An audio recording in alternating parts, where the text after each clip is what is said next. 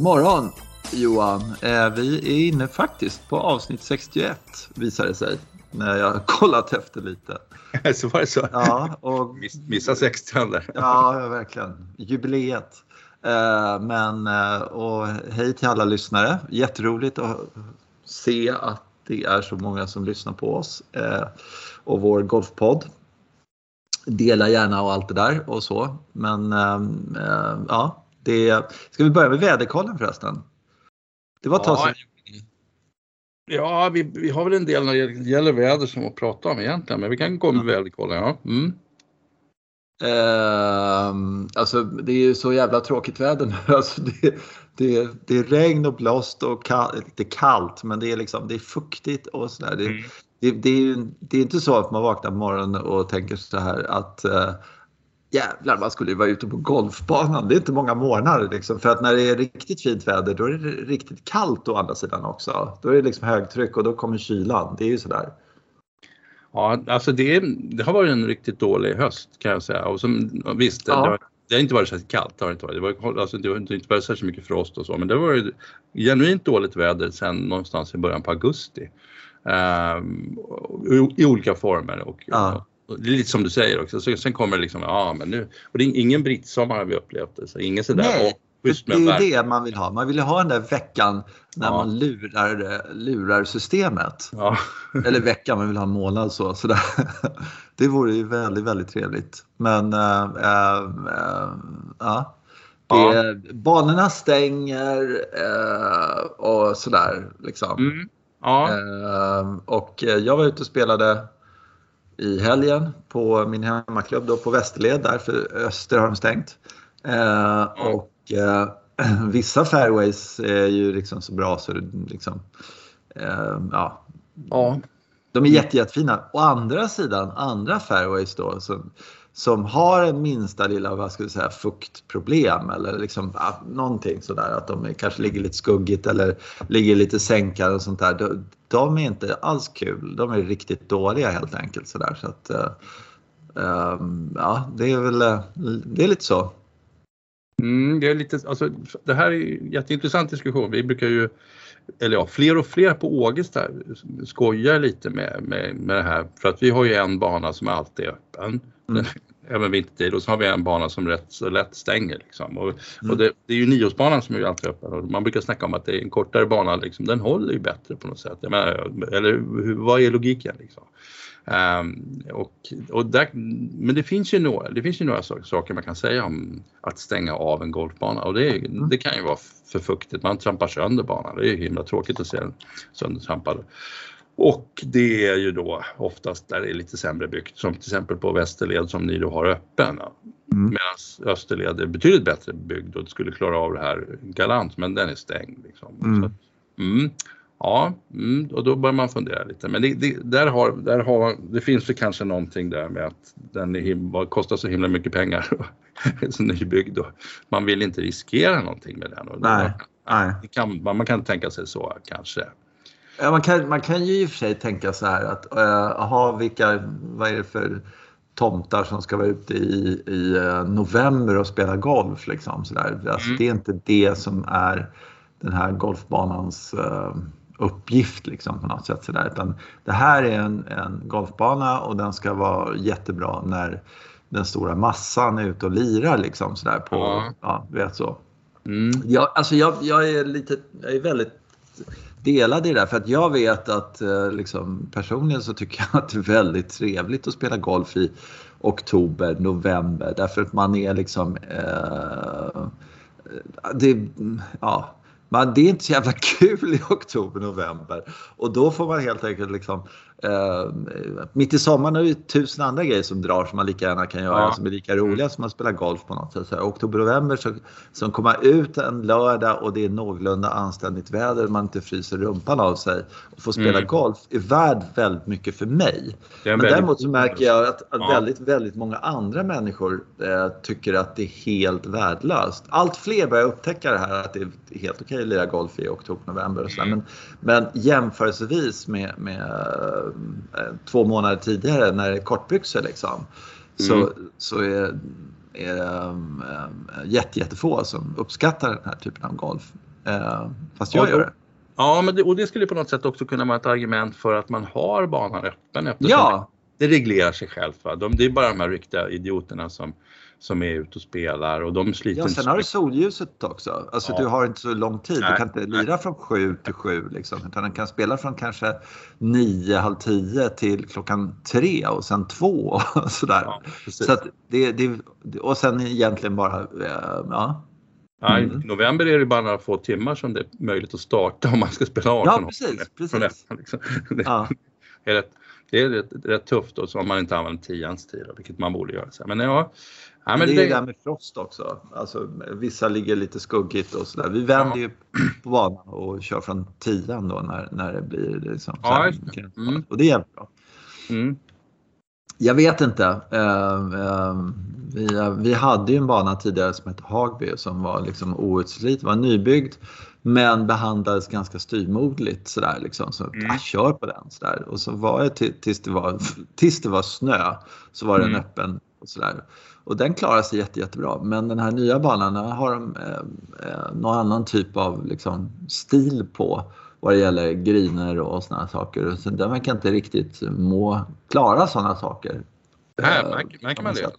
Jag märker det väldigt tydligt Ja. att Västerled då, den har den här gamla sega eh, grässorten som, eh, ja sådär. Den Mm. tar ingen stryk alls. Medan på öster så, så är det mer liksom, sen, sen samtidigt så kan det vara också att eh, eller den gillar inte kyla på samma sätt. Den, den, eh, den är inte lika motståndskraftig. Så, så upplever jag det som i alla fall. Ja, ja. Men det kanske är, jag vet inte, jag har inte hängt med hela resonemanget kring det där. Man kanske bara, ja vi bygger inte för det liksom. Vi Nej. bygger för sommarvärme. Ja. Och man, att man kan välja en grässort som, som ja men den, det här kommer gå mm, sämre på mm, tidig vår och sen höst. Liksom. Så Mm. Det kan vara så. Mm. Då Jag läste man- någonstans att det var Mm. också en anledning var att eh, eh, den här den grässorten som jag lär mig aldrig det där med svingel och krypven och gud vet vad. Sådär. eh, men jag kan inte det. Jag vet inte vad det är. Det är något fel på mig. Men eh, att eh, den de har på öster då den överlever vintern. Eh, även om den ligger under eh, snö i, i liksom fyra Jaha. månader. Sådär. Ja. Medan den på Västerled dör om den inte får syre eller vad det nu är. Sådär. Så att den, den är liksom lite, ja de är annorlunda helt enkelt. Ja, men det du, du pratar om är förmodligen att eh, alltså, eh, det ligger en grin till länge så går det ju in vitgrö även om alltså vi hade ju vitgrö Mm. till exempel på Niodsbanan från början och så, så de här moderna gri- grinerna så är det krypven som gäller då. Men det, det byts ju ut så småningom till den här vitgrön och vitgrön reagerar det är nog korrekt, alltså den har mera problem med infrysning och vintrar överhuvudtaget. Mm. Den i allmänhet så övervintrar den inte alls, eller den egentligen överlever inte, den ersätter sig själv med fröa så att den ska bli för den fågel Fenixgräs helt enkelt, den kommer nytt hela Mm.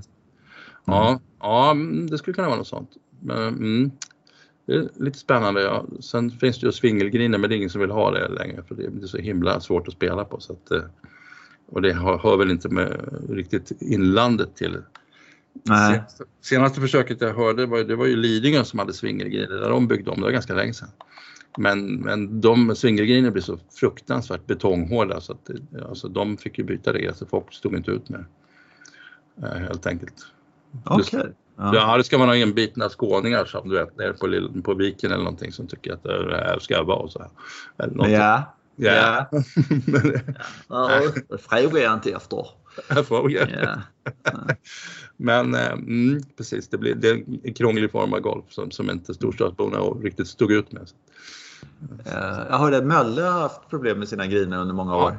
Det, Mm. det är ju sådär. eh, Det, eh, och det är ju sådär. Jag kan tänka mig att anledningen är, blir att liksom de har haft så jävla bra griner så länge så till slut Mm. så, så eh, försvinner kunskapen om att det kan vara på något annat sätt. Liksom. Så Ja, att, ja. ja, men vad fan, det är ju bra idag igen. Jag går in och tar fika liksom istället. Ja, ja, så, så, vi, vi, det är fantastiskt här liksom. Och så och så vidare så bara rullar det på och så där. Så till slut så bara, vad, vad är det där för något? Svamp. ja, så hoppar bollen på grinen. Jaha, skulle vi ha luftat grinerna liksom? Ja, men det har vi inte behövt göra på 40 år. jag vet faktiskt inte. Jag vet att de har jobbat stenhårt tidigare men de har haft oflyt med de där grejerna i alla fall. Så att, eh, ja. Ja, det får man ju nämna också i sammanhanget. Det finns väldigt mycket otur man kan ha när man alltså, med ja. griner. Alltså, det, ja. det måste vara något av liksom, eh, tur också tror jag. Liksom sådär. Ja, att du får någon ja. vår som liksom, eh, är precis, att, ja du vet, att allting klarar sig bara. Och, sådär. Ja. Och, och sen så eh, också, ja jag tänker när man bygger en, en grin nu sådär och sen så, så säger man att ja, men ska vi, und- vi ska ha det här gräset och sen så ska vi ha det här gruset eller den här sanden som ska ligga Ja. sådär. Vad, det finns ju inte grus som är exakt likadant om du förstår vad jag menar. Du kan ju säga grässort men du kan inte odla sand om du förstår vad jag menar. Alltså, Ja, du, fast det är nästan så att de, ja det gör de ju inte, men de tar ju på, på ställen där de vet exakt hur den, den så kallade siktkurvan ser ut, hur många är lite större och lite mindre och hur det är fördelat och så. Och Ja, jag man- vägrar tro det ändå. alltså, jag tror inte på det där. Jag tror att det bara är sådär, jaha, oj, lite så. Det här blev ju bra. Ja. Det skulle vara kul att, kul att uh, snacka om nördnivå. Ja, ja, ja precis. Men, och, och det, det är väldigt intressant för att det, är ju någon täckt där, sandtäckt på, ja, på baksidan av Vättern brukar jag säga, det vill säga på västra sidan av Vättern där de plockar nästan all sand som man använder i grinombyggnader. Till slut Jag har hört att de eh, plockar på Irland också. Eller Ja, att de, man, ja, jag kommer, någon sandbåt eller något sånt där. vi köpte ju någon gång från liksom, uppåt Norrtäljetrakt, Rimbo eller någonting så här. Och De sa att det här är perfekt, det är exakt likadant. Eh, Men det var det verkligen inte kan jag säga. Och, och då, det är ingenting man ser med blotta ögat sådär. Eller, eller kanske man skulle ha gjort om man hade, kollade, vi byggde någon grin och sen när vi skulle börja sköta den så skulle de kamma grinen på något sätt och då följde gräset med och sådär. Jaha. Mm, kul. Mm. Ja, kul. Skitkul. Ja, alltså, här tog de bort lite gräs och kollade på. Jaha, okej. Vi har blivit lurade. Ja, och det är inte så roligt när man har byggt en grin och väntat på att den ska bli klar och sen så ja, inser man att okej, det där, vi får bara bryta upp den och börja om. Ja. Nej, jag vet att de eh, gör någon sån rör och så häller de i vatten så kan de se genomrinningsförmågan Ja, på de olika sand. Sådär. Det, eh, sådär. Men jag tror att eh, alltså rötter, gräsrötter är känsligare än så. Att, eh, Mm. nej, den här basiska, eh, där gillar inte det här riktigt sådär. Och sen på något annat ställe så är det kanon. Ja. Nej, jag vet inte. Ja. Man vet ju väldigt lite. Ju mer, ja, sådär. Men eh, ja. Du, eh, en skitläskig grej tycker jag hände här i veckan och det var att eh, Fredrik Andersson Hed gick Ja. bort 49 år gammal. Ja. Jag tycker sånt är så fruktansvärt hemskt liksom sådär. Mm. Eh, alltså, man, man blir ganska ödmjuk eh, under en viss tid för sitt eget bitcheri. Du vet när man gnäller på någonting. Sånt ja, där. Ja. Och sen så, så sluta med det liksom. Var väldigt glad för varje dag på något Mm. sätt sådär. För att, eh, och dessutom så, eller ja, det finns väl Eh, ja, det har väl hänt att någon sån här riktigt eh, här terrorist eller någonting har gått och fått cancer och gått bort och man tyckte det var väl bara bra eller något sånt där. Men, men det här är som eh, eh, han var en jävel på putta, vet du det? Eller, Ja. ja. Han var väldigt inne i puttning också så där på något sätt och, och fokusera. Jag såg honom en gång på Brohof. Jag, var där på en pro, jag spelade inte program men jag var där på programdagen och kollade när de eh, var ute och spelade då, så där, och så. Och så stod han på putting i. Nej, det var dagen innan programmet. Just det, så var det. Eh, och så stod han där och puttade och han gick in för sin puttning. Okej. Sådär, liksom. Du vet, inte som du och jag när vi står på putting in. Liksom. Man störs av allting runt omkring. Sådär, så. Ska jag ja. cigg eller? Nej, men du vet, sådär, lite Ja. helt morsigt sådär. Utan han bara, ja, jobbade in puttningen Ja. sådär. Det var, man såg att det var en, eh, när den stämmer hans puttning, då var det en, en av hans features liksom sådär.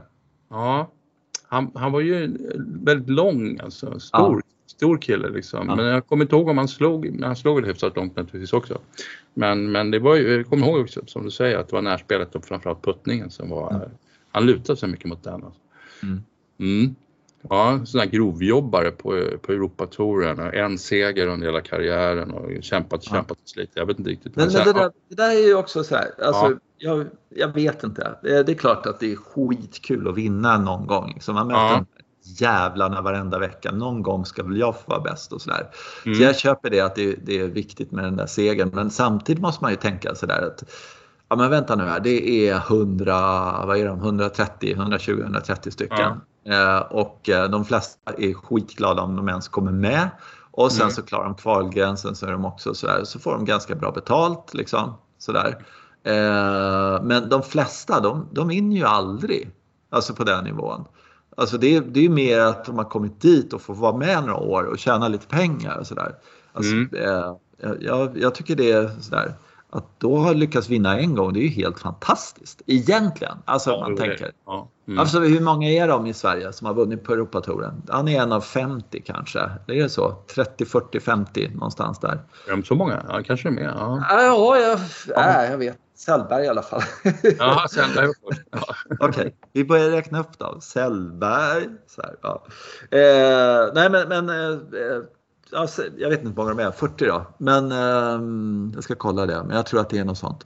Mm. Eh, och det är ju oerhört egentligen. Och sen så är det 5-10 stycken som har vunnit på USA-touren och sen så någon på Japan-touren och sådär. Men, mm. men eh, liksom, ja, Italien Open. Mm. Jag ja. kommer inte ihåg vilken bana det var han vann på, men det kanske inte är intressant. Jag vet inte. Kanske inte intressant. Nej, men jag tycker det är intressant hur du säger för att då, i det perspektivet kan man se Sebastian Söderberg nu som kasserar in en ytterligare andra plats där. Så ja. han, lägger, han är väl som, eh, som Sörenstam var i början, han liksom lägger sig på andra plats, han slipper hålla det här segertalet, för det är lite nervöst. Också. Men ändå tjäna hyggligt med pengar, jag vet inte, men det, det han, det, han har ju haft en väldigt bra streak nu. Liksom. Mm. Placerat sig väldigt bra och det är klart att det där är ju välgörande för karriären och familjen och allt möjligt, ekonomin och massa saker. Mm. Även om det inte har varit, jo men den där på Valderrama var ju rätt mycket pengar förstås. Ja, det var ju, det, ja, men det är ju svinmycket pengar överhuvudtaget. Alltså sådär. Men visst den här på Santa Ponsa nu här. Eh, såg du någonting från den? Ja, eh, det där var ett intressant kapitel. Alltså jag tror att jag tittade på fredagen eller någonting och sen mm. tyckte jag det var så trist att titta på det här, att de spelade på mm. det här mm. underlaget. Ja. Eh, så att jag var inget sugen på att titta vidare. samma här, samma här. Ja. Ja, det, var, det var ju tydligen så skulle de vara i, i jag vet inte om det var Nedbank eller de skulle vara någon annanstans och så funkar inte det. Nej, de skulle Marocko. Ja visst fan, Marocko. Ja just det. Och sen så eh, Corona och så alla dessa idioter som inte kan vaccinera sig och allt vad det är. Eh, men eh, så det blev inget där, så blev det där i Spanien. Vilket är i och för sig fantastiskt. Man kan se det här på många sätt alltså, men, men man kan se det på ett sätt att stackars, stackars Europatouren, alltså med alla dessa jävla länder som inte kan Nej, i det här landet så har vi det på det här sättet och ja, nu stänger vi här och allt sånt där. Och, eh, om man jämför med USA-touren, de har liksom samma regler i alla stater och då vet de vad som gäller vad det gäller liksom begränsningar, rules and regulations och sådär. Och så kör, kör de på. Medan här får de liksom hoppa mellan tuvorna på något mm. sätt, eller hoppa på tuvorna. Liksom, ja. eh, och så lyckas de få ihop ett schema, vilket jag tycker är helt fantastiskt eh, mm. på sätt och vis. Det är ena sidan. Den andra sidan är sådär, och de hade en månad på sig på Santa Ponsa och göra en bana. Eh, och så tänker man så här, okej, okay, det här är enda gången på 20 år vi får visa upp oss på den här banan eller någonting mm. sånt där. Eh, ska, vi, ska vi presentera en bana som ser för jävlig ut? Eh, eller ska vi liksom anstränga oss? Eller återigen hade de maximal otur. Stressade de grejerna för hårt när de skulle få ner dem i hastighet eller upp dem i hastighet eller liksom sådär. Men även runt omkring såg det ju för bedrövligt ut. Nej, det var inte bara grinerna, det, såg, det är fairways och allt möjligt. Det såg, och, och det där, ja, jag, jag har ju varit där vid den tiden, på, i Spanien vid den här tiden på året och de ja. låter banorna vila sig lite, vilket jag är väldigt osäker på om det, om det behövs överhuvudtaget. Men de tycker att det behövs en viloperiod för mm. kanske barnpersonalen eller någonting. Men och att inte försöka titta lite liksom, hur kan det vara? Hassan den andra, de ställde in förra året på grund av pandemin. Skulle vi kanske kunna göra annorlunda i år bara med tanke på att det möjligen skulle bli våran tur att hålla en Nej, oj, oj, oj, ska vi hålla en Europatourtävling här och då är mm. ja, nej, jag tycker att de tänk, tänkte lite, ja, de otur när de tänkte, alltså rent strategiskt. Alltså, de, ja. tycker jag verkligen. Och, ja, och ett rätt tråkigt resultat. De här människorna som spelar på Europatouren, är klart de biter ihop det. Det är ju deras jobb så de, de gör det här men de kan inte tycka det. Ja, de är ju jätteglada att få spela ja. en vecka och få eh, liksom Eh, möjlighet att tjäna en väldig massa pengar även om det är en, liksom, en, en låg status eh, naturligtvis och sådär. Men det, det, ju, det är ju ändå underhållning och ändå sådär. visst fine men, men eh, jag tänker, delvis tänker jag på Europatouren, det är inte så jävla kul att kolla på. Eh, för att det, det, blir den här känslan, man ser varenda green och man såg fairways överallt. Mm de här stigarna de hade, eller stigar, men de har ju såna här asfaltsvägar. Såg du mm. dem någon gång? Så där? Då, då har liksom gräset kommit in och, och käkat upp halva asfaltsvägen. Det såg inte jag. Nej, men det var sådär liksom. Så, ja, ja, på den nivån. Eh, mm. ja, men det var som om de hade byggt de där asfaltsvägarna liksom 1960 och sen har de glömt bort eh, ja, men det, ja, sådär. Så, och ja. på ett sätt kan man säga så här, eller jag vet inte vad man säger, men jag tyckte också att, att det kändes jävligt tråkigt. Men däremot så var det ju jäkligt kul tycker jag. Att det var både Niklas Lemke går ut och skjuter en vadå, 62, 63, någonting sånt där. Mm. Och sen Sebastian Söderberg och Lemke kom väl åtta till slut och slog. Ja, jag såg jag den ja. chippen, inspelet som han sänkte på, är det 16, 17? Det här korta. Så ja, låg han precis, inte grinkant men 10 meter bort kanske. Sån här, bara chip, klick, eagle liksom. Sådär. Mm. Så bara precis i slutet också. Och så mm. hade han vett nog att inte göra bogey på sista, vilket han gjorde dag tre. Ja, men då var jag så jävla sur på honom. Där, liksom. Fan, ja. för bara slå en mitt i upp på green, två puttar, hur svårt kan det vara? Ja. Nej, men sådär, men man håller på honom. Okay. Mm. Uh, Nej, men jag tyckte det var intressant, jag tittade till på LPGAs schema sen och då visade det sig att där har det ställts in tävlingar då, och det är ju det är Asien som ställer in. Mm. De här, Korea höll ju BMW, där fick de ju spela, men, men eh, de, Japan ställde de in och sådär.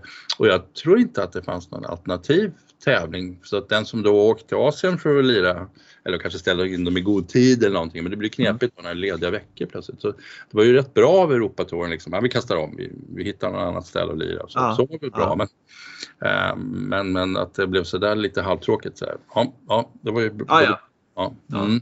Mm. Men du, jag har en... Eh, alltså, jag, jag, jag tycker liksom att Europatouren är hundra gånger roligare än att se eh, USA-touren eller PGA, vad det nu heter. Så ja. alltså, det, det, är någonting där som gör att jag tappar intressen för att vara hur bra de vill. Men det, jag tycker inte att det är kul att, se sådär. Eh, jag vet eh, så jag håller på Europatouren och sådär. Och så tänker man tillbaka, tänk på det du snackade om. Sådär. Ja, men jag såg eh, Greg Norman spela på eh, Linköping eller vad det var sådär en mm. gång i tiden. Att det var, och, nu har ju Europatouren haft ett helvete eh, i en och en halv säsong, två, eller liksom sen pandemin började. Eller något sånt där. Mm. Det är ju mm. snart två år sedan. Och fortfarande är det massor med liksom, problem och sådär.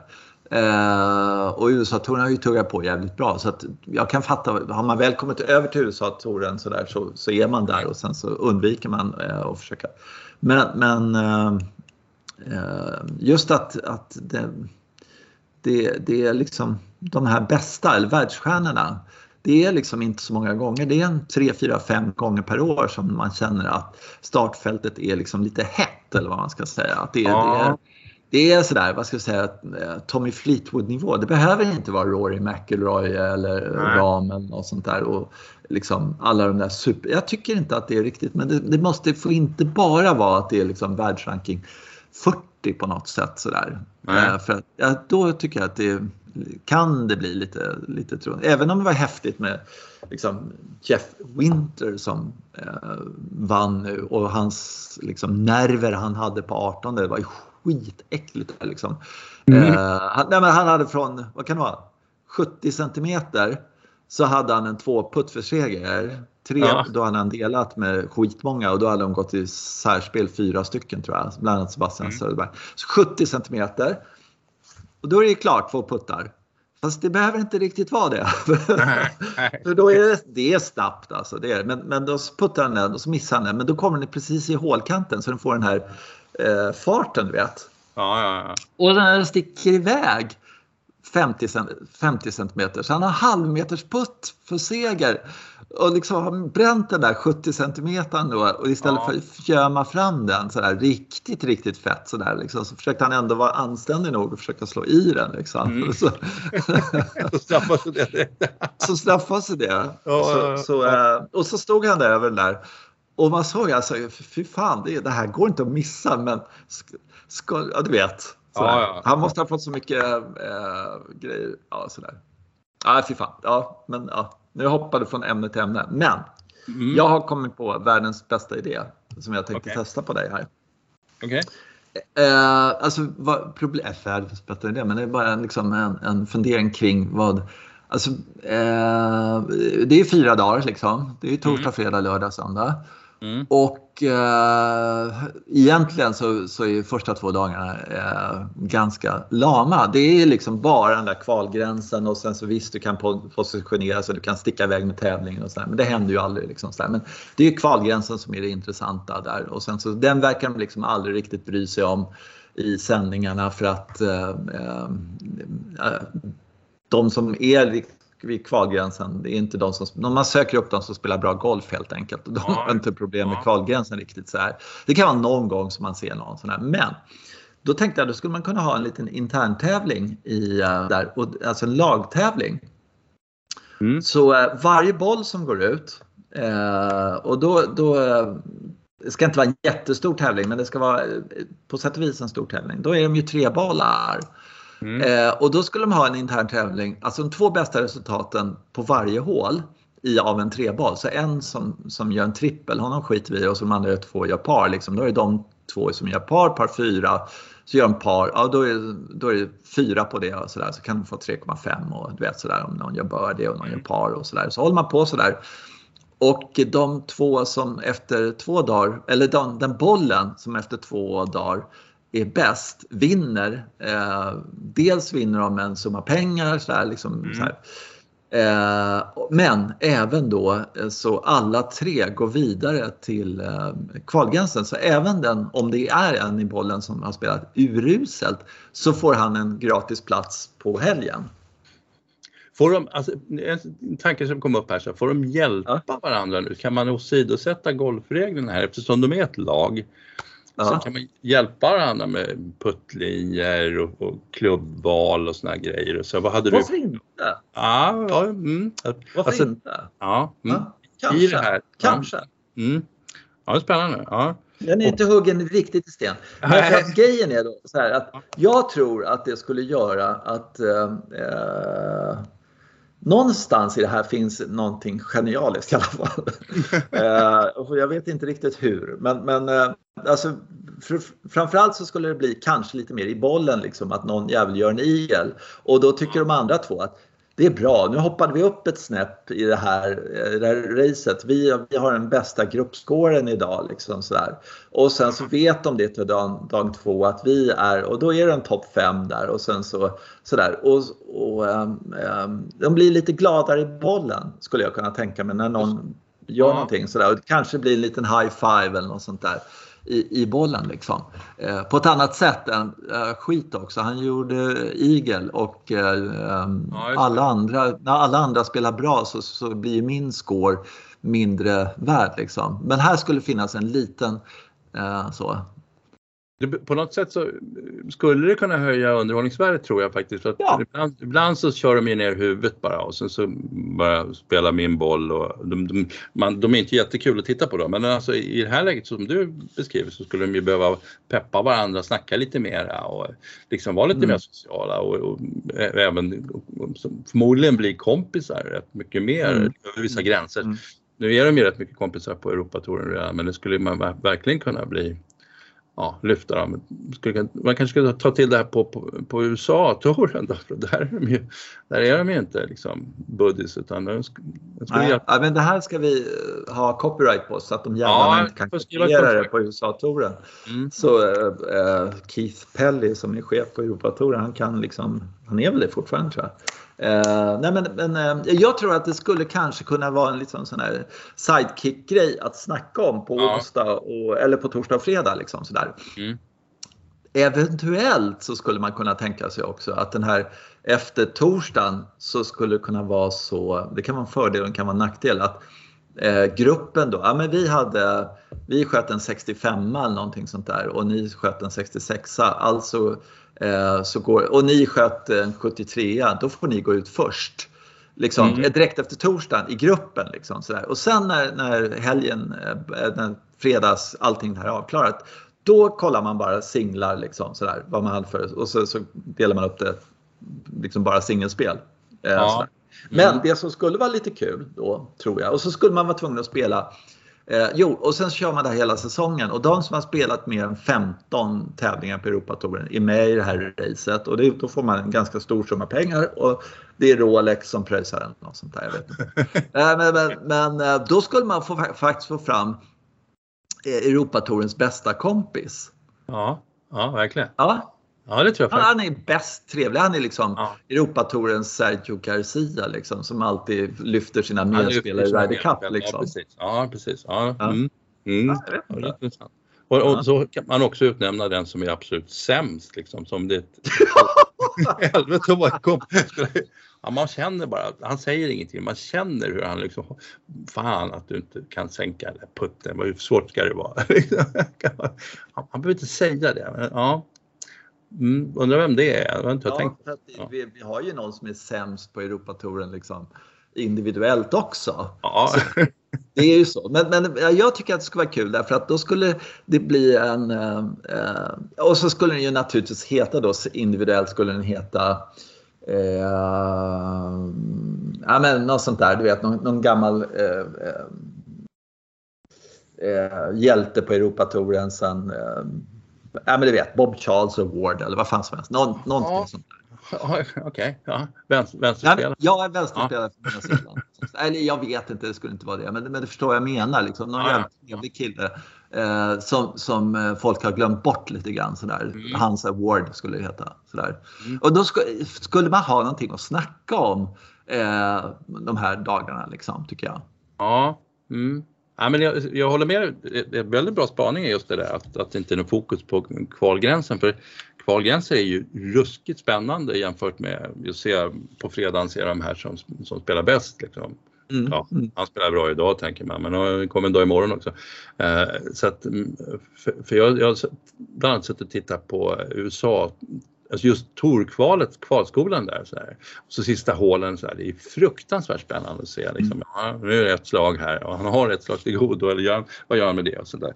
Det är verkligen underhållning. Alltså. Är, ja, ja, visst. Ja. Eh, alltså, eh, jag tycker alltid att eh, i alla sporter så är det liksom vilka som ska vinna allsvenskan eller sånt här. Det är ju ja. skitsamma vem som vinner, ja. för de har ju ingenting för det i alla fall egentligen, utan det är ju de som klarar sig kvar i allsvenskan ja, eller som klarar sig kvar på Europatouren.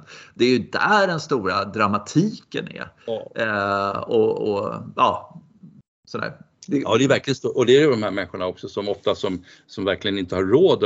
Äsch, nu tappar kortet här och så måste åka till La Manga och spela i fem dagar för att få tillbaka det. Liksom. Mm. Det är ju verkligen, ja, det, då får de verkligen stålsätta sig. Och sen finns det de här spelarna som är rätt kul som, som har gjort det 15-20 år på raken liksom. Mm. som gör så varje säsong. Mm. Uh, det, det är väldigt roliga historier. Ja, samtidigt så vet jag att alltid när, man, när de, då och då så får man ju se någon sån här kvalskola så här, jag orkar inte riktigt titta på det där Nej, därför att jag får så jävla ont i magen av det. Eh, för att det är så, som, man ser hur illa de mår, alltså hur vidrigt det är på något sätt. Och, och äh, ja. Mm. Mm. Det, är, det, är, det är någonting eh, överjävligt kring det där mm. faktiskt. Mm. Ja, ja, det är lite för spännande. Man, man undrar om de blir bättre, tål det bättre år tre eller fyra eller, något där, eller om det är samma plåga varje år. Liksom. Ja, ja, svårt. Ja, det är det verkligen. Det är en mm. otroligt individuell sport måste jag säga. Golf, det är på något sätt. Du, du, eh, du tar dina golfklubbor och sen så kommer du in i den här touren och sen så är du med där lite grann och så ja, håller du på att bygga en karriär eller vad du nu gör. Liksom, sådär. Tjäna pengar. Mm. Ja, jävligt speciellt. Jävligt speciellt. Mm. Jag tänkte på en sak. Mm. Eller hade du någonting som du ville?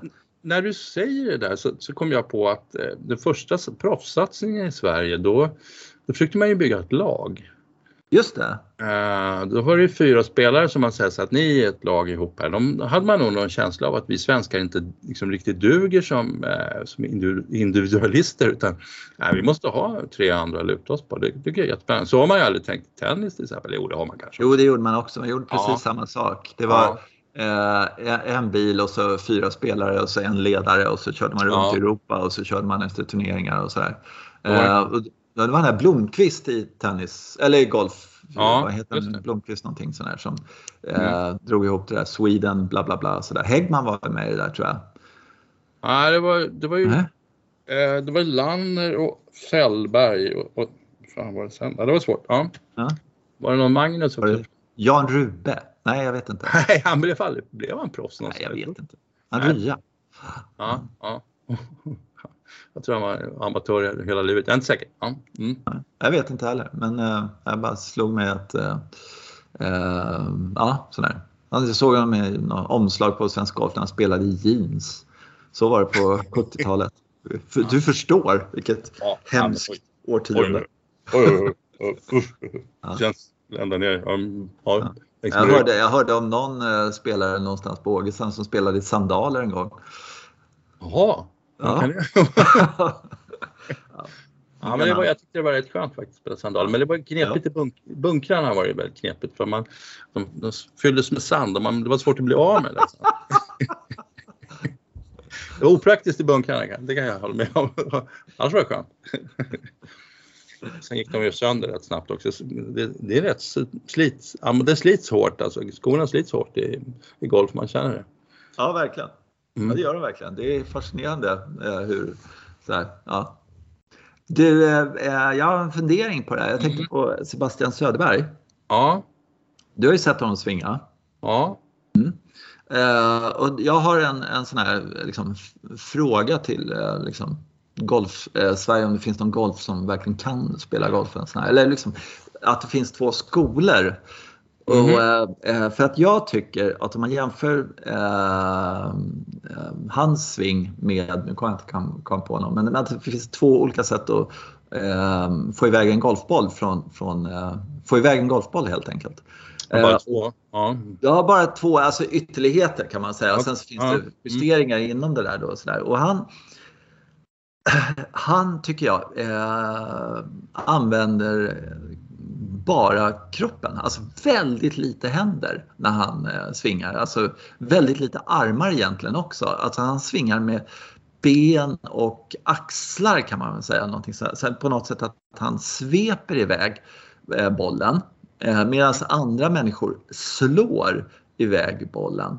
Förstår du skillnaden? Ser du skillnaden framför dig eller tycker du att jag pratar snömos?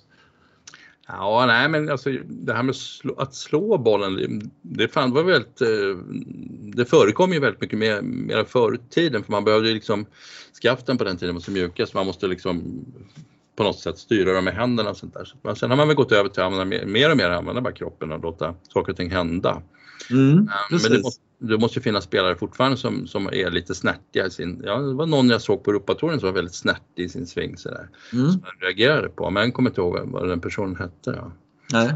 Nej, mm, men jag tror att... Men jag de... på, så går man ju alltid till sig själv så här, ska man tänka mer att man ska svepa iväg eller dra iväg bollen Eh, är det det som är grejen eller, eh, eller ska man liksom, eh, ja det beror på vad man hade för sving innan naturligtvis. Sådär. Men jag tror att jag har använt väldigt mycket händer i mina dagar.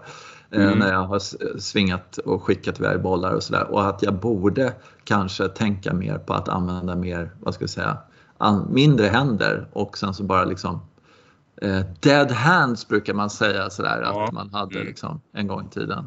Mm. Eh, när man spelar bra. Så jag hade liksom, nej, händerna är inte med i den här sporten. Liksom, så här, handlederna är inte med i den här sporten nu, eller just nu. Utan jag, jag släpper bara ner klubban utan att, uh, ja, sådär.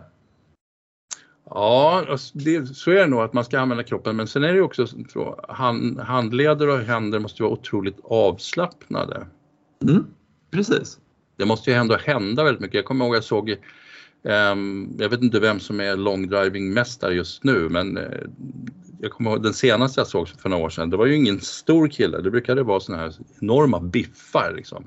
som, mm. som kunde braka till på bollen. Men den, den senaste jag såg, han hade bara väldigt rörlighet i kroppen och en väldigt, väldigt rörliga handleder så att klubban låg så enormt långt efter. Liksom.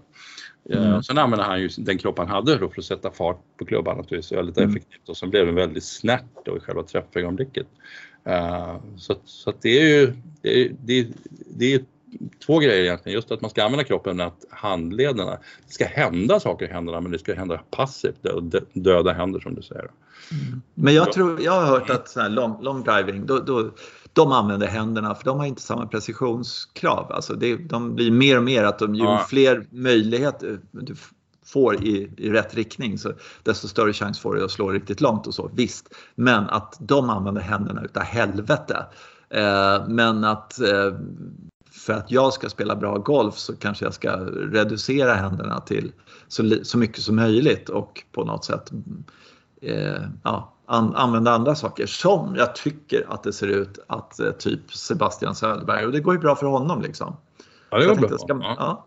Men däremot så tycker jag att man tidigare har ju sett, du vet det där man så mycket händer så, så ett, ett tag så svingade man ju med stela handleder liksom. Man chippade, puttade, mm.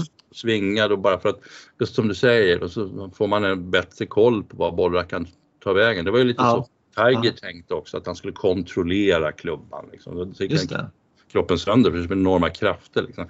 Men, men det tycker jag att de, de har insett att okej, okay, nej men så kan man inte göra för att då, då kommer ju Rory, eh, Rory och, och smäller iväg bollen 150 meter längre med driven och så är man mm. körd. Liksom.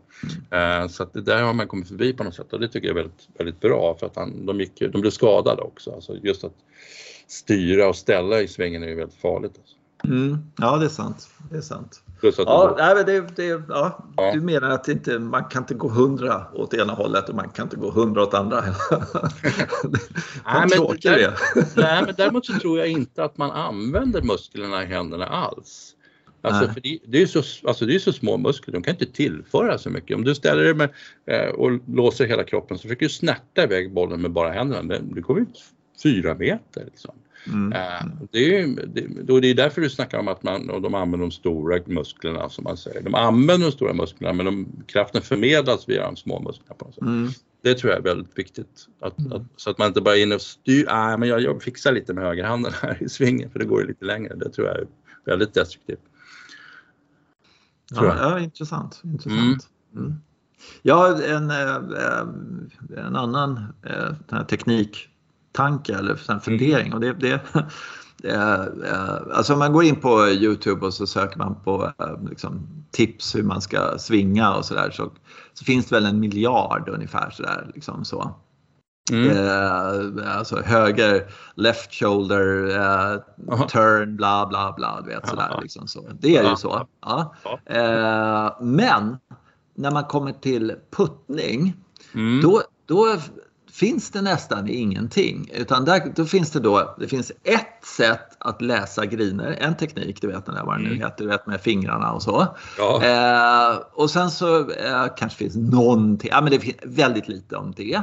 Eh, och sen så eh, finns det så här Eh, läs, eh, ha en, en, en, ta den linjen och tänk fall sådär, liksom sådär, väldigt lite. Men, mm. men hur du ska liksom eh, tekniskt drop your left shoulder when, liksom, ja men du vet sådana där grejer. Ja, ja, Finns det ingenting.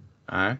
Eh, alltså absolut ingenting. Det är jättekonstigt. Eller väldigt lite. Det är klart någon, fan, någon jävel håller väl på med det där också. Men, men extremt lite putt-teknik. Liksom, eh, håll in höger armbåge för att liksom, sådär, träffa bollen rätt och sådär.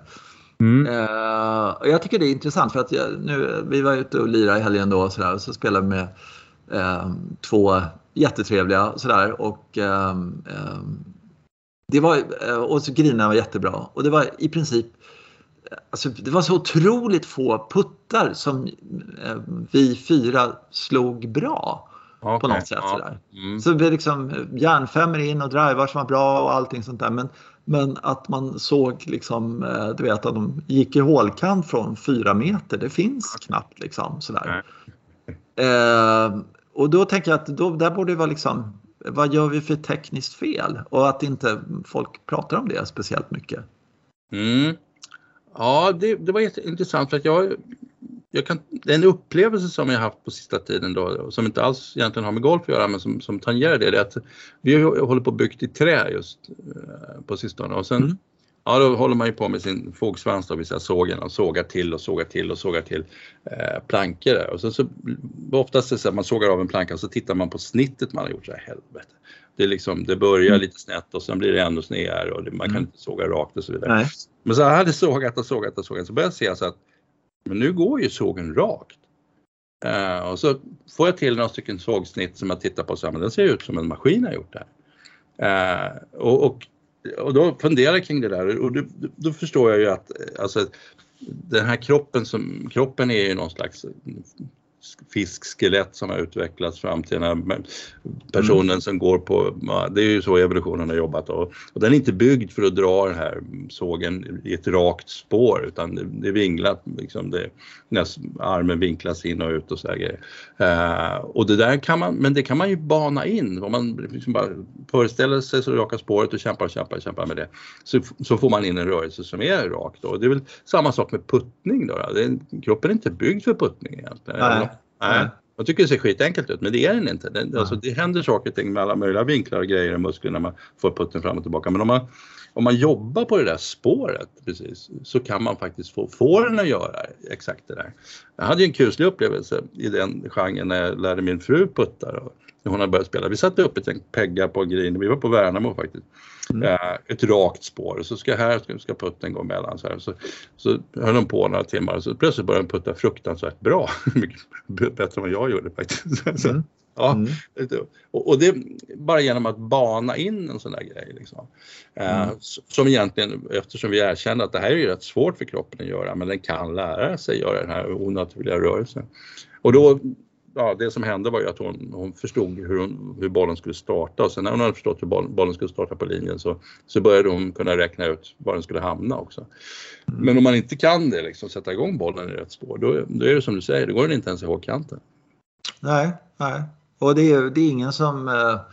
Uh, alltså det finns ingen bok man kan köpa så slår du dina, dina puttar rakt. Eller väldigt, väldigt få. Det finns ja, men som, som överhuvudtaget. Jag tycker Eh, det, det, är förvånansvärt. Man jobbar och säger att grinerna var inget bra, du vet allt det där och så har man jättebra griner och sådär och sen så fortsätter man liksom att dra putten eller du vet eh, släppa ut den och liksom allting sånt där. Och, och, och sen mm. så också när man tittar på liksom, eh, det finns väldigt lite om teknik mm. och så men, men sen så finns det en miljard olika putt mutters liksom, som mm. har vikter och jada jada. Ja. Vet, sådär, va? Ja. Eh, så där kan du liksom, du kan köpa det till massa misslyckanden liksom. Men, ja. men eh, Eh, och sen håller en del på med lite snören och du vet siktgrejer och ja. teknikgrejer sådär. Att slå bollen rakt men inte hur man slår den liksom. Utan nu har vi världens bästa övning. Tre bollar här, peggar och vad fan hans moster. Ja, och, och den här plattan ska du under och du ska slå den där på det där snöret eller sånt där. Men, men slå den på det här snöret, inte hur du slår den på det här snöret. Förstår du vad jag menar? Att händerna ska vara före bollen i boll eller du vet sådär. Eller, ja. eh, du ska du ska hålla ihop eh, armbågen, eller jag, jag, vet inte liksom. Eller, Ja, det intressanta är ju att när man tittar, på, tittar lite på elitspelare på amatörnivå och, och lite proffs och så, så tittar man på putting när de håller på. Då har de ju en coach som är otroligt noggrann och framme. Ofta filmar de exakt puttrörelsen och allting som händer. Så att på den nivån så är, har de ju järnkoll på tekniken och exakt hur de vill att klubban ska röra sig och sådär. Mm. Men det är som du säger, det läcker inte ut till, eh, till oss amatörer eller klantskallar utan då kommer det liksom istället ett gäng putter som ser knasiga ut som vi ska köpa för, för att mm. rätta till problemet. Men det finns ju något som heter Sams Putt Lab till exempel har jag hört. Ja. Som ska vara något sånt där skitbra och, och uh, ja Man kanske ja. skulle ha tänkt igenom det här samtalsämnet innan vi hade... det var inget kul i och för sig. Jag har, sett en, jag har sett en artikel av faktiskt Marco Mera, men det var massa år sedan, där han resonerade kring det här med att om, hur, ska man, hur man ska dra putten. Antingen så, så beskriver den ju en liten båge framför en eller så försöker man ha den, föra den helt rakt längs med en linje. Liksom. Det, det, man kan säga att det, ja, Ja, det är lite mer naturligt för att kroppen gör ju att den går runt den så han, så han puttade lite mer naturligt kunde han konstatera. Då går, då, och då, är, då, för, då går det ju inte hela tiden på en rak linje och då säger han, då, men då måste man veta exakt när man träffar när den går på rätt linje och sådär. Men det tyckte han kändes bättre och så finns det de då som försöker tvinga kroppen föra klubban längs med den där linjen hela tiden. Liksom.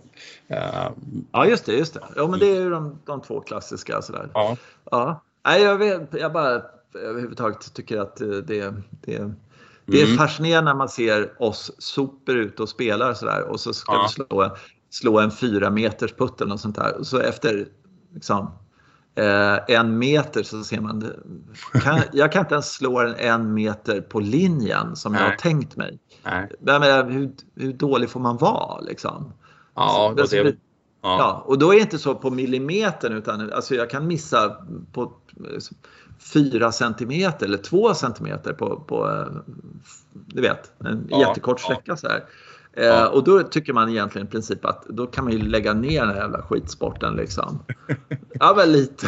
Ja. Ja, men, sådär. Och jag kan även när puttmatta hemma håller på sådär. Och, och så, så, vad fan håller jag på med? Liksom, sådär. Varför är det så svårt? Liksom? Och var kan jag liksom Ja, jag menar, du, du vet ju så här, folk det finns ju inte en amatör som har filmat sin putt-stroke. Liksom, nej, sådär. Nej. det finns en miljon människor som har filmat sin driver. Liksom, sådär. Ja. Och så ser man att jag kommer med högeraxeln fel eller vet sådär. Liksom. Ja. Och så går de till, man kanske möjligen går till pron och tar en lektion och då är det inte Nej, jag vill börja lära mig putta. Det är inte det första man gör. Liksom. Nej, nej, nej, nej. Det nej. finns inte. Det, det, är en promille av alla lektioner som har varit ja. så här jag menar, man ska gå in till, till så här, så, ja, jag skulle vilja ha en lektion och sen så går man bort till putting Han skulle ju aldrig hitta en liksom. det finns ju inte. Jag står och väntar på det på range här. Putt-lektioner? Nej, nej, jag tror jag inte efter. Nej. Mm. Mm. Ja, eh, eh, eh, eh, har du någon golf framför dig? Eller har du stoppat Ingen. in klubborna?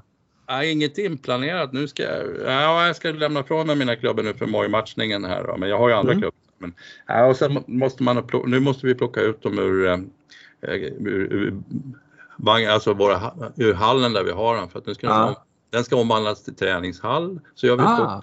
Ja, precis. Just det, just det. Ja, ah. så, det så det är risken är då att man stoppar in de här hemma och sen så kommer de inte ut igen. Men jag, det, det, är lite surt att det är så. Jag, varje höst så känner jag så fan, borde utnyttja den här resursen. Då, faktiskt. Jag börjar få lite mer tid i jobbet normalt sett så här mm. års. Mm. Så, ja, nej, men jag, jag tror jag ska försöka skärpa mig lite köra lite. Ja. Framförallt så kan man ju när som helst gå ut och spela på nyårsbanan om det skulle slå till och bli hyggligt väder. Så, så det ska jag nog försöka göra. Mm. Ja, jag har en tid på söndag.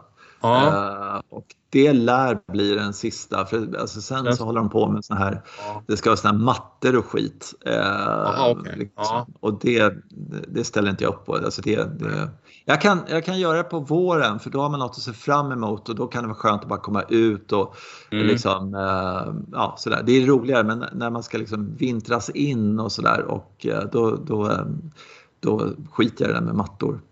Är det matta från ruffen också eller får man slå? Nej, nej det, är, det är finklippta delen och sådär. Och ja. dessutom så var det så i våras i alla fall, vilket var väldigt bra, att det var inte några idiotmattor på 10 utan när man nej. peggade bollen så, så slapp mm. man den här mattan eftersom eh, få eh, duffar liksom på, på 10. Mm. De var lite försiktiga vad det gäller sånt. Jag kommer ihåg, alltså, jag minns några spelare som berättade om att ja, när det är sånt där, det är kladdigt på fairway så bollen ligger lite tajt, då siktar de på ruffarna för då kunde den liksom pillas upp och ligga lite högre och då kan man ju också fuska upp den liksom. Mm. i luften, få ett lite luftigt läge. Ja, jag förstår det. Men, och ni har ju ingen längre sån där bana som får slitas. Nej, ingen... tyvärr. Det, det, egentligen ska man säga, okej okay, vad, vad, kan det handla om? Alltså jag vet att när vi hade Hagby öppet så, så var vi inne i november och spelade men det var aldrig, och det var kanske tio år då eller något sånt där som det var öppet i december. Så att, och, i, och så kanske det är, ja, säg att det är som bäst och tre helger i november som, som man skulle kunna utnyttja då och sådär. Och nu så blir det inte så utan det blir liksom oktober ut liksom sådär. Mm. Ja. Det, får vara okej okay. men, men jag, jag vet, jag är lite som du sådär att det, mm. det, det är mm. jävligt den här grejen att kunna sno åt sig, att lura mm. eh, liksom, vintern eller ja, få, få mm. en extra runda liksom, och det är lite schysst och lite sådär. Det, det, är, rätt, eh, det är rätt schysst alltså. Det är en, det är en fantastisk ja. känsla. Jag vet, det är många som pratar om det. Jag kommer ihåg när jag var Mälarö Skytteholm hade öppet eh, greenkeepern där. Han, var lite, han hade siktat på att ha någon tävling på juldagen eller någonting så här. Och så kompisar till mig som var iväg där från Ågesta hade spelat den 7 december och det hade varit fint väder. Och så. De, var så, liksom, det blir så, de pratade så mycket om den här rundan att det var så mm. speciellt att få till den. Mm. Ja, mm, ja det, det, men det är okej, okay. det kanske kostar för mycket på något sätt. Man måste hålla personal där och så. Jag gjorde faktiskt en rolig grej. Rolig, så här, vi var ute och spelade då och så eh, eh, hade vi regeln då, jag vet inte hur regeln riktigt var, men, men eh, jag tror att det var så att man kunde, ja, man, eh, men eh, jag låg lite i rufflägen så såg jag att det var skitmycket, så hade jag kanske en järnotta kvar eller något sånt där. och så var det mycket lera på bollen på ena mm. sidan. Eh, och eh, visste liksom att eh, okej, okay, det, här, här kan gå precis hur som helst. Och så, så istället för att göra rent den så slog jag bollen. Här. Och det var jävligt kul att se bollen hur den betedde sig med lera på. Sådär, för att mm. det var jag helt säker på. Och det var verkligen den uppträdde på det här sättet som jag tror att de måste ha upplevt det på liksom 1700-talet eller 1800-talet när de gjorde helt runda bollar ja, ja, ja. och den var helt ny. Den bara Ja. Låg jävla stackare och så bara ner till vänster. Liksom. Så att eh, man, man, förstår att eh, de som slår riktigt hårt på bollen, alltså proffsen, och de har lera på den och hur, hur, hur uppenbart det är att det är lera på bollen. Liksom. Mm. Jättedumt, men ja. Mm. Ja, Mm. Eh, eh, det är ingen eh, Europatour-grej de, tyvärr nu i helgen utan de väntar en vecka och sen är det eh, Portugal. Jaha, just det. Ja, ja mm. det, det var något med till, eh, som inte blir av. Och sen så åker de till eh, Dubai, Dubai, och så kör de två tävlingar där. Mm. Och jag vet inte hur det är med den där tävlingen innan där för jag kollade det om det var någon sån här anmälningslista där så man kunde se vilka som får spela och sådär eller om det är så att nu börjar det bli så attraktivt att spela så att det är en massa proffs som kommer, eller proffs men eh, mycket pengar i den så att eh, men Portugal verkar rätt kört för, för de som kämpar om kortet.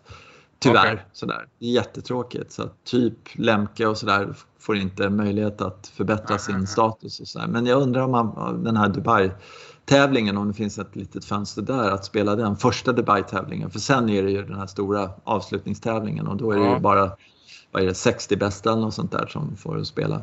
Ja, risken är ju att de vill vara med allihopa för att hålla igång. Ja, det vill de ju och det är så jävla mycket pengar. Ja, precis. Att de vill dit och köra en tävling innan och sådär också. Ja, just det. Ja, det var extremt, eller extremt, det var klar enorm, enorm skillnad i prispengarna på dem. Så att den är väldigt lågt rankad den här första tävlingen okay. där. Så att uh, vi får se vad som händer. Vi får hålla uppe.